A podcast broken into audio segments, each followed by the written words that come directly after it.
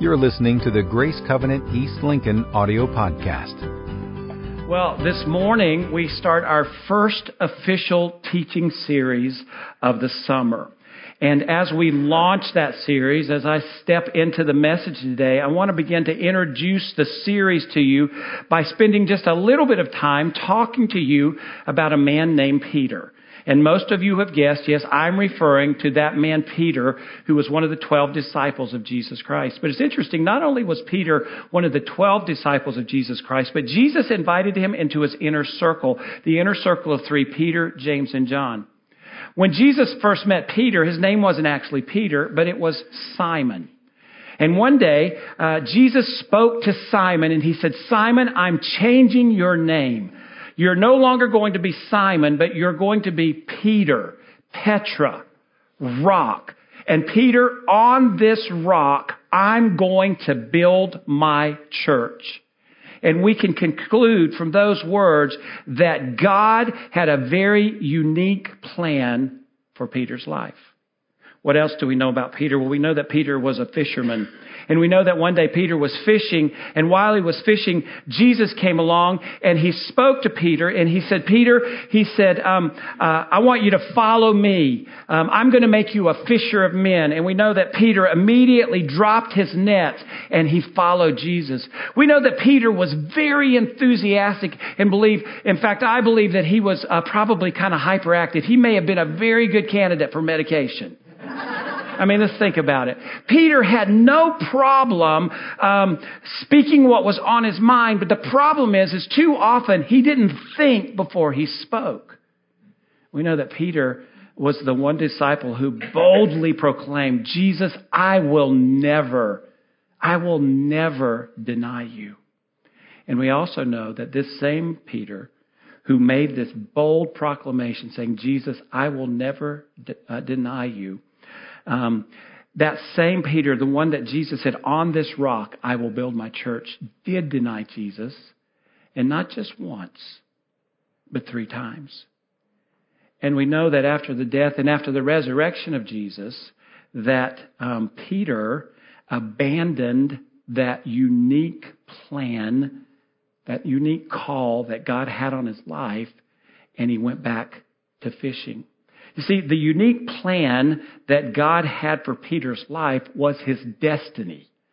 And that's the focus of the series that we're going to be working through for probably five to six weeks, including today. Um, living out your destiny. You see, Jesus had spoken into Peter's life and into his future, but Peter, after denying Jesus, feeling like such a failure, was struggling with his destiny, and the struggle was so great that he abandoned the destiny and he went back to his old life. He went back to fishing. Um, we know that also uh, Peter and Jesus had an encounter on the beach one morning. This was after Jesus' resurrection and before he was ascended into heaven. And in that encounter, Jesus extended forgiveness to Peter. And he reaffirmed that call, that destiny that he had on his life. He said, Peter, if you love me, feed my lambs. Take care of, feed my sheep. And we also know that it's that same Peter who on the day of Pentecost, filled with the Holy Spirit, proclaimed the gospel message of Jesus Christ, the story of Jesus to all the crowds that had gathered in Jerusalem that day. And because of that, the church was birthed. And it was all because Peter was embracing his destiny. Peter was embracing that God, unique God plan that God had placed on his life. You know what else we know about Peter? Peter was not God's afterthought.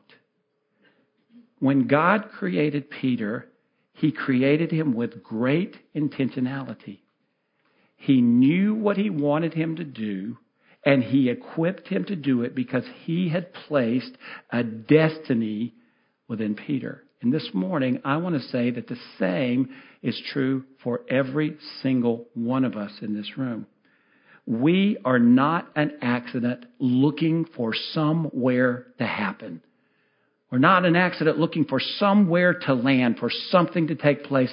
Instead, when God created each one of us, He was very intentional He was very intentional in his creation. He knew what he was doing. And not only did he place great potential in our lives, but God placed in us a destiny.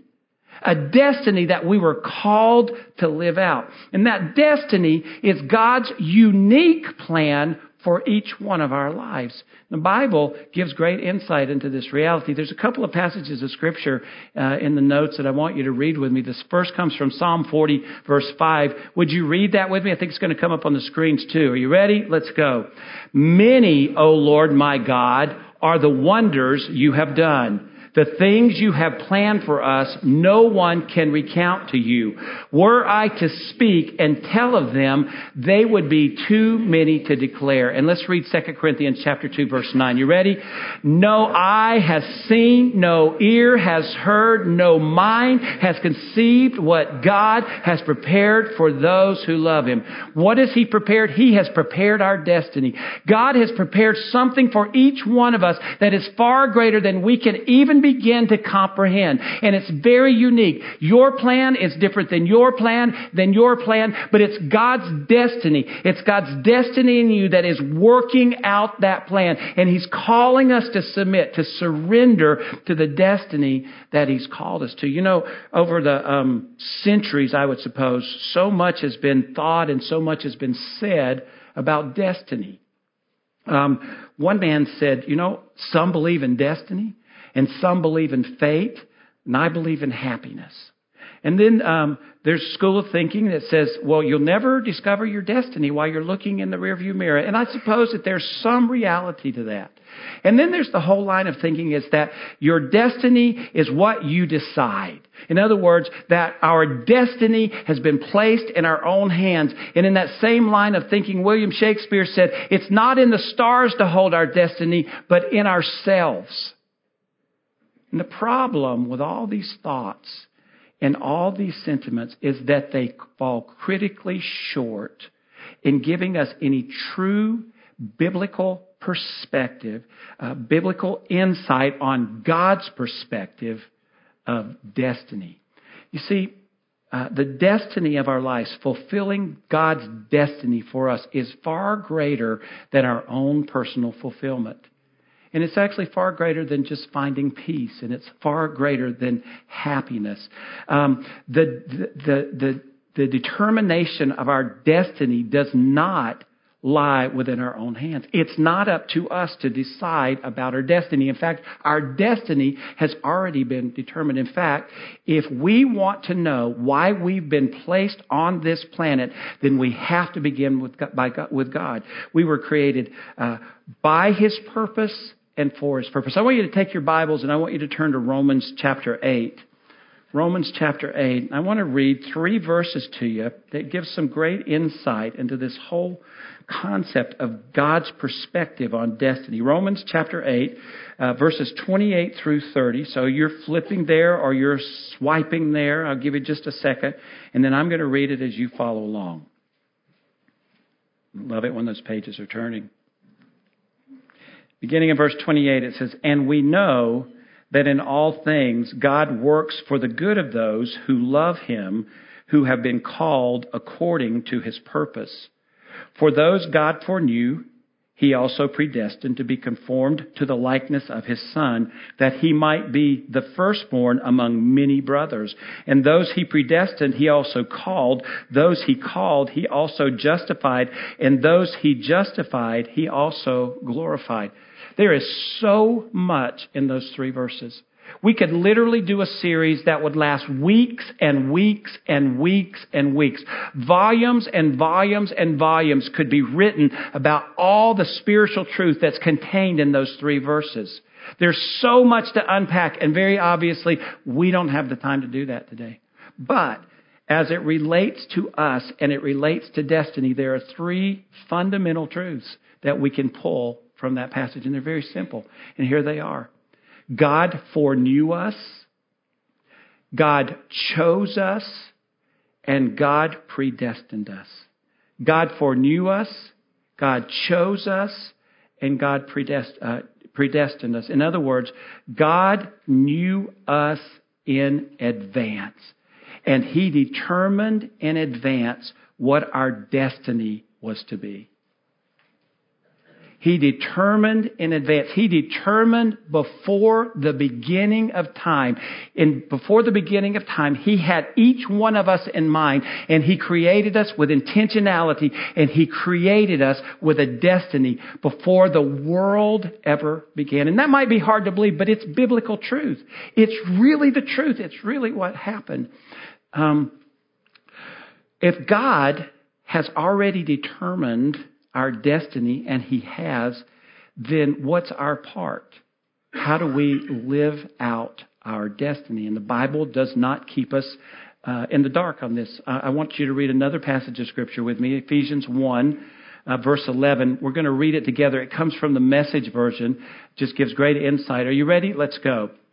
It's in Christ that we find out who we are and what we are living for long before we first heard of Christ and got our hopes up, he had his eyes on us, had design on us for glorious living, part of the overall purpose he is working out in everything and everyone. You know, for thousands of years, people have been asking the what is my destiny question. And as they've asked that questions for thousands of years, people have looked to things like religion, they've looked to education, uh, they've looked to self-help books, uh, they've looked to counselors, mentors, coaches, feelings. They've looked to Oprah. They've looked to professors and they've even looked to pastors for the answers to the questions. And while some of those may be offered to help a little bit, I would hope that as a pastor, I can help give you some insight into that. But I can't do it. It starts with God. And Ephesians 1:11 makes that very obvious. It's in Christ that we find out who we are and what we're living for. Let me say that again. It's in Christ that we find out who we are and what we're living for. I love the, the biblical concepts, the realities, the spiritual truth that says we, when we come into relationship with Jesus Christ, we become joined with Christ. We enter into a union with Christ. And in that union, not only are we new creations, but I, the Bible says that our life is hidden away with Christ in God. We are in Christ. The answer to every situation that we have is found in Christ. We have been placed in Him. He lives in us and we live in Him. And when we can grasp that spiritual truth, life takes on a different perspective. We are not outside of Christ. We're not observers, but we are in. We are in the family of God. He lives inside of us. That's profound when you think about it. That the God of the universe who spoke the world into being through the Word, through Jesus Christ, that same Jesus Christ who gave life to the world gives life to us. It's a game changer when we realize that. It's in Christ that we find out who we are and what we're living for. Um, so we discover our destiny through relationship with Jesus Christ. We discover our destiny through relationship with Jesus Christ. And what that means is first, we have to establish a relationship with Jesus Christ. We establish that it's that point of salvation where we say, Jesus, I believe that I'm a sinner and that I need a Savior. And you died on the cross in my place as the Son of God because you love me so much. And I'm asking you to come into my heart, forgive me of my sin, I choose eternal life. I want to be in Christ. And so that's the first step. We establish that relationship with Jesus Christ. But then we don't just stop there. Yes, when Jesus, when we invite Jesus in, we're saved, but then we want to commit to live in relationship with Jesus Christ. We want to live in relationship with Jesus Christ. And that means that we commit on a daily basis to push into the deep truths and realities of the Bible and that we spend time with the Almighty God and we let Him reveal to us through His Holy Spirit. And then we take what we're hearing, we take what we're learning, and we apply it, and we make the necessary changes in our life through the power of the Holy Spirit so that we become different. The reason that I pray every week, God, make us different than when we came, is because our lives are about spiritual transformation. We are to daily being people who su- are submitted to Christ and that as He speaks to us by the Holy Spirit and, he, and as the Holy Spirit says, this is good, but you need to make an adjustment here that we would say, okay, I've always lived this way. I don't know how to live another way, but I'm trusting that what you say about your spirit is true and that you will empower me to do it. So God, I surrender right now.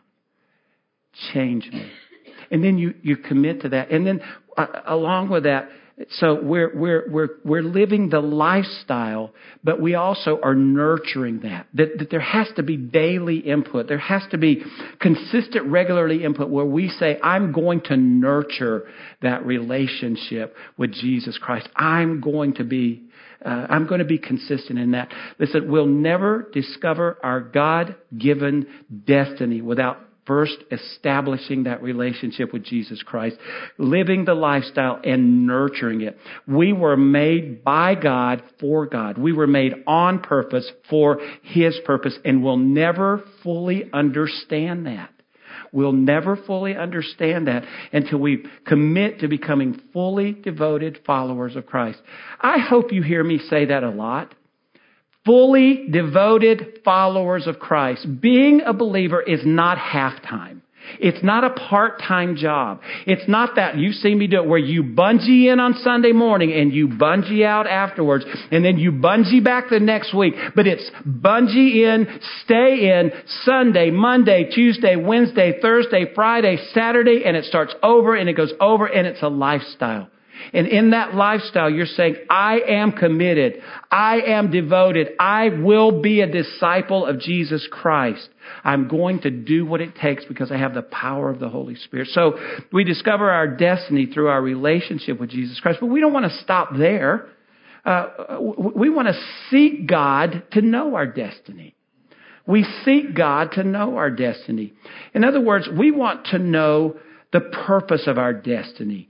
Um, so we, we, we, we have a destiny, and um, the destiny, we, we learned in, in, in, the Romans passage that uh, it's about becoming uh, like the image of Jesus Christ. And so that's our destiny. That's our overall destiny that we're being transformed into the image of Jesus Christ. But then God has put a unique call, a unique plan on each one of you. There are uh, desires, there are passions within you that are God given.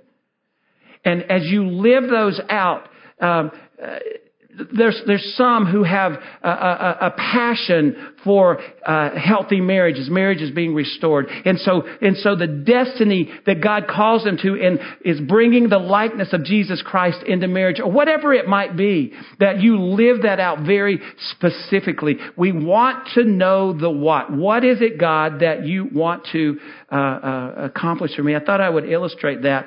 Um, let's say that um, I was an inventor and um, I go up to Dave one day and I say, Dave, here, I want you to have my new invention. Thank you. What do I do with it? Exactly what I wanted you to ask. I didn't. See, Dave has has my new invention, but he he it's no good to him because he can't he doesn't know what it's for.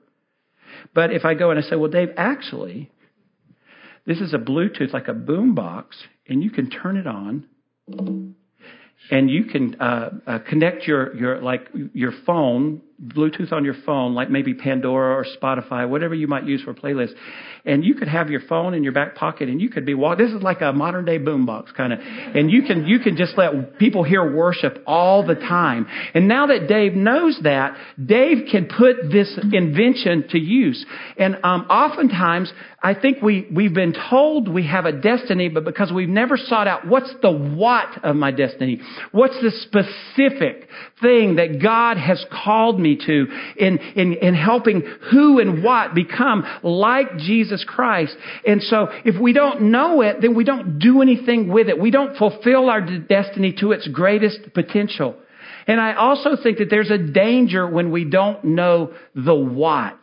Um, I'm going to date myself just a little bit here, but I was a latchkey kid when I grew. up. How many of you know what a latchkey kid is? There, I don't know if that still exists today. In other words, my parents worked, and so when I came home from school every day, I spent anywhere from an hour to a couple hours just waiting for them to come home. Front door locked, nobody could get in. Back door locked, and, I, and you know what I did? I sat and I watched TV and I ate. And I watched a lot of television. I have seen every episode of Gilligan's Island more times. I Love Lucy more times than you could ever imagine. And one of the shows that I loved and I watched repeatedly was the Beverly Hillbillies. Interesting trivia fact um, Buddy Ebsen's daughter, Kathy Ebsen, was part of our church that we pastored in Southern California. So we got to kind of some of the insight. Uh, and some of you are going, Who is Buddy Ebsen and what? You know, you're just looking at me like, What is this? So trust me, there was a long time ago a show called The Beverly Hillbillies. It was really popular. Um, they don't make shows like that anymore. But did you remember, for those who remember the Beverly Hillbillies, remember how uh, the Beverly Hillbillies got things confused that were in their new mansion that they didn't really kind of know what it was for? Remember the billiard room, and then they had the billiard table, and what did they say the billiard table was? The fancy eating table. They thought it was some form of a dining room table and they took the pool cues and they would take granny's pots of food and lift it and serve somebody else. It was the fancy eating table. Well, that wasn't the purpose of the billiards table, right? So they were misusing it. And I am concerned, or I believe, that when we don't seek out the what of our destiny, it's one thing to say, I have a destiny. I have a destiny. But when you begin to seek out that God has placed a specific call on your life to do something very specific in helping others become like Him, then uh, you're not in danger of doing nothing and you're not in danger of using it for the wrong purpose. I actually think that we can have a destiny and use that destiny for unintended purposes and it can cause a lot of damage. So we need to know the what of our destiny. If we don't take the time to know the what God wants to accomplish through us, uh, it becomes uh, we, we, we don't fulfill the destiny. Now, there are two more points in your notes, and I'm going to say very little about them because um, of a, something, the way I want to end today. So here's what I want to say about the final two points because I do think they're important. Uh, the third one is our destiny is filled when we take time to define our God given talents and abilities. In other words, not only has God placed potential in you, not only has He placed a destiny in you, but He's placed God given gifts, talents, and abilities. And He wants you to use those gifts, talents, and abilities to um, enhance, to benefit the destiny that He's called you to. And the final thing I would say is that we need to define what we're passionate about. Oftentimes, our passions are very closely connected to our destiny. God puts a passion in us that fuels us to carry out our destiny. So it's important that we know those things. But here's how I want to end. Um, I, I, want to read you a story today. Uh, and there is a point in me reading this story. The story comes from a book called Letters to My Children. A father passes on his values, and it's about being chosen. Because sometimes I think that we have a hard time believing that God would choose us, even though He already has. So I want to read this story and I want to make some application to it.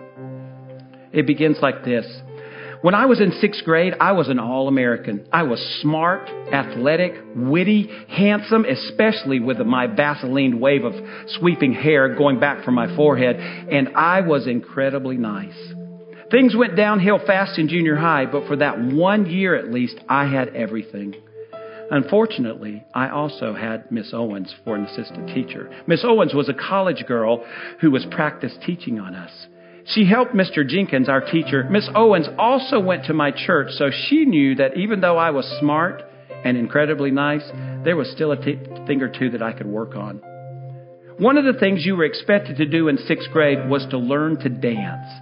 My parents may have been have had some reservations at first, but since this was square dancing, It was okay.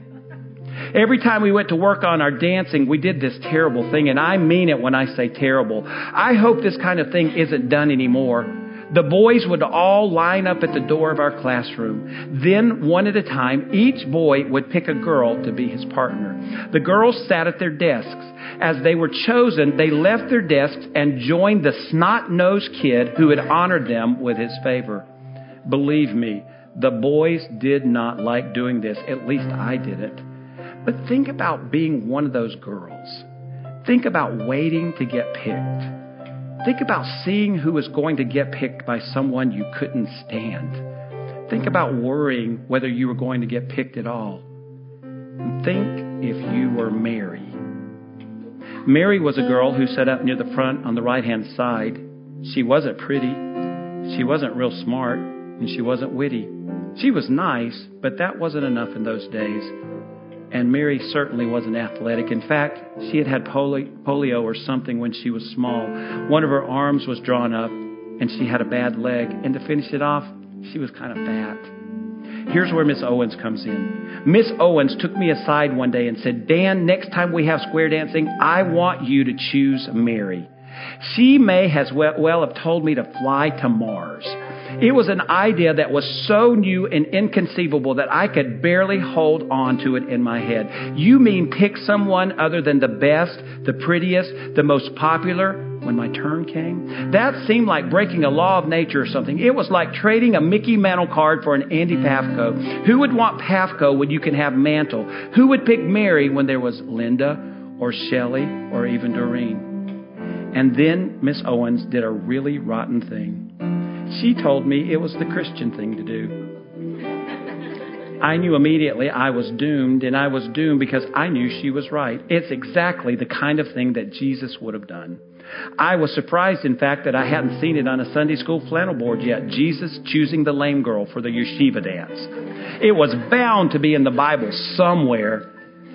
I agonized. Choosing Mary would go against all the coolness I had accumulated. It wasn't smart. It wasn't witty. Maybe it was nice, but even I didn't want to be that nice. The day came when we were to square dance again. Mr. Jenkins told Miss Owens to go to the cafeteria to set up. Then he lined up the boys at the door. It was worse than you could think. If God really loved me, I thought, He would make me last. Then picking Mary would cause no stir. I will have done the right thing, and it would not have cost me anything. But you can guess where I was instead. For whatever reason, Mr. Jenkins made me first in line. Had Miss Owens been talking to him? There I was, first in line, my heart pounding. Now I knew how some of the girls must have felt. The faces of the girls were turned, to, some of the faces of the girls were turned towards me, some smiling. I looked at Mary and saw that she was only half turned to the back of the room, her face staring down at her desk. Mr. Jenkins says, Okay, Dan, choose your partner. I remember feeling very far away. I heard my voice say, I, I, I, I, I, I choose Mary. Never has reluctant virtue been so rewarded. I still have her undimmed face in my memory. She lifted her head, and on her face, reddened with pleasure and surprise and embarrassment all at once, was the most genuine look of delight and even pride that I had ever seen before or since. It was so pure that I had to look away because I knew I didn't deserve it. Mary came and took my arm as we had been instructed, and she walked beside me, bad leg and all, just like a princess. When we walked into the cafeteria, Mrs. Owens was Miss Owens was already thumping out a march on the piano. She looked over at Mary and me coming in at the head of the line and she smiled real big, but with no surprise at all, like she knew all along. Mary is my age now. I never saw her after that year. I don't know what her life's been like or what she's doing. But I'd like to think that she has a fond memory of at least one day in the sixth grade. I know I do. Love, Papa. Okay, there's a point in me reading that story. I think oftentimes we would say, God, why would you choose me when there's Sally or Bill or Bob or Carol? Why would you choose me? Mary in the story had her frailties and her flaws. And despite those frailties and those flaws, she was chosen. I choose Mary. And think about Peter. We began with Peter. Peter was filled with frailties and flaws and failures. But God extended forgiveness to him in all of those things. And he said to Peter, I choose you. Peter, you are the rock, and on this rock I'm going to build my church. And because Peter embraced his destiny, the church was birthed, and that's why we're here today. And then we think about all of us, and we would all admit that we have our frailties and our faults and our failures. But one day, some 2,000 years ago, a man called Jesus, who was the Son of God, was placed on a cross and he gave his life for us. Unconditional love. And in doing so, God was saying, I choose you. Despite what your past has been, despite your failures, you are forgiven. I choose you, and I have placed a great God sized destiny in your life. And God's calling us to live out that destiny. God's calling us to be a people of destiny because that's who He's made us.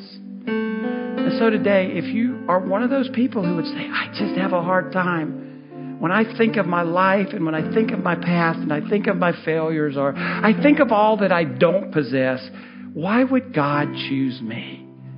He chose you because He loves you and He sees the potential. He's placed it in you.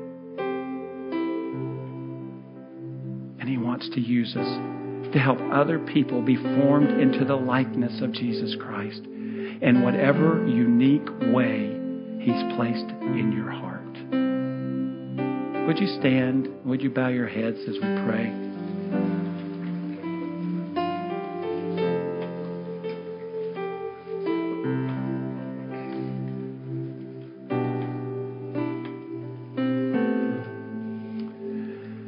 Oh, Father, to say thank you for choosing us. Thank you for being intentional in our creation and choosing us before all time. Father God, I pray that we never allow anybody to rob from us the fact that you have chosen us and you have made us people of destiny. I pray that we never let the enemy steal that away from us. Father God, I pray that we would be a people who trust you with all of our hearts. That we will not lean into our own understanding. We will not abandon our God sized, God given destiny and go back to our own plan or our own way of life, but we will commit our ways to you and we will anticipate that you will direct us in all that we do. You will reveal the details of our destiny so that we can live it out. Father God, I pray that over every person today. I pray that we would be people of God given destiny, living it out in its fullness. Help us when we're weak by your Spirit. Equip us in every way. And I pray this in Jesus' name. And everybody said, Amen. For more information on Grace Covenant Church, our service times, ministry opportunities, directions, and more, visit us at gracecovenant.org.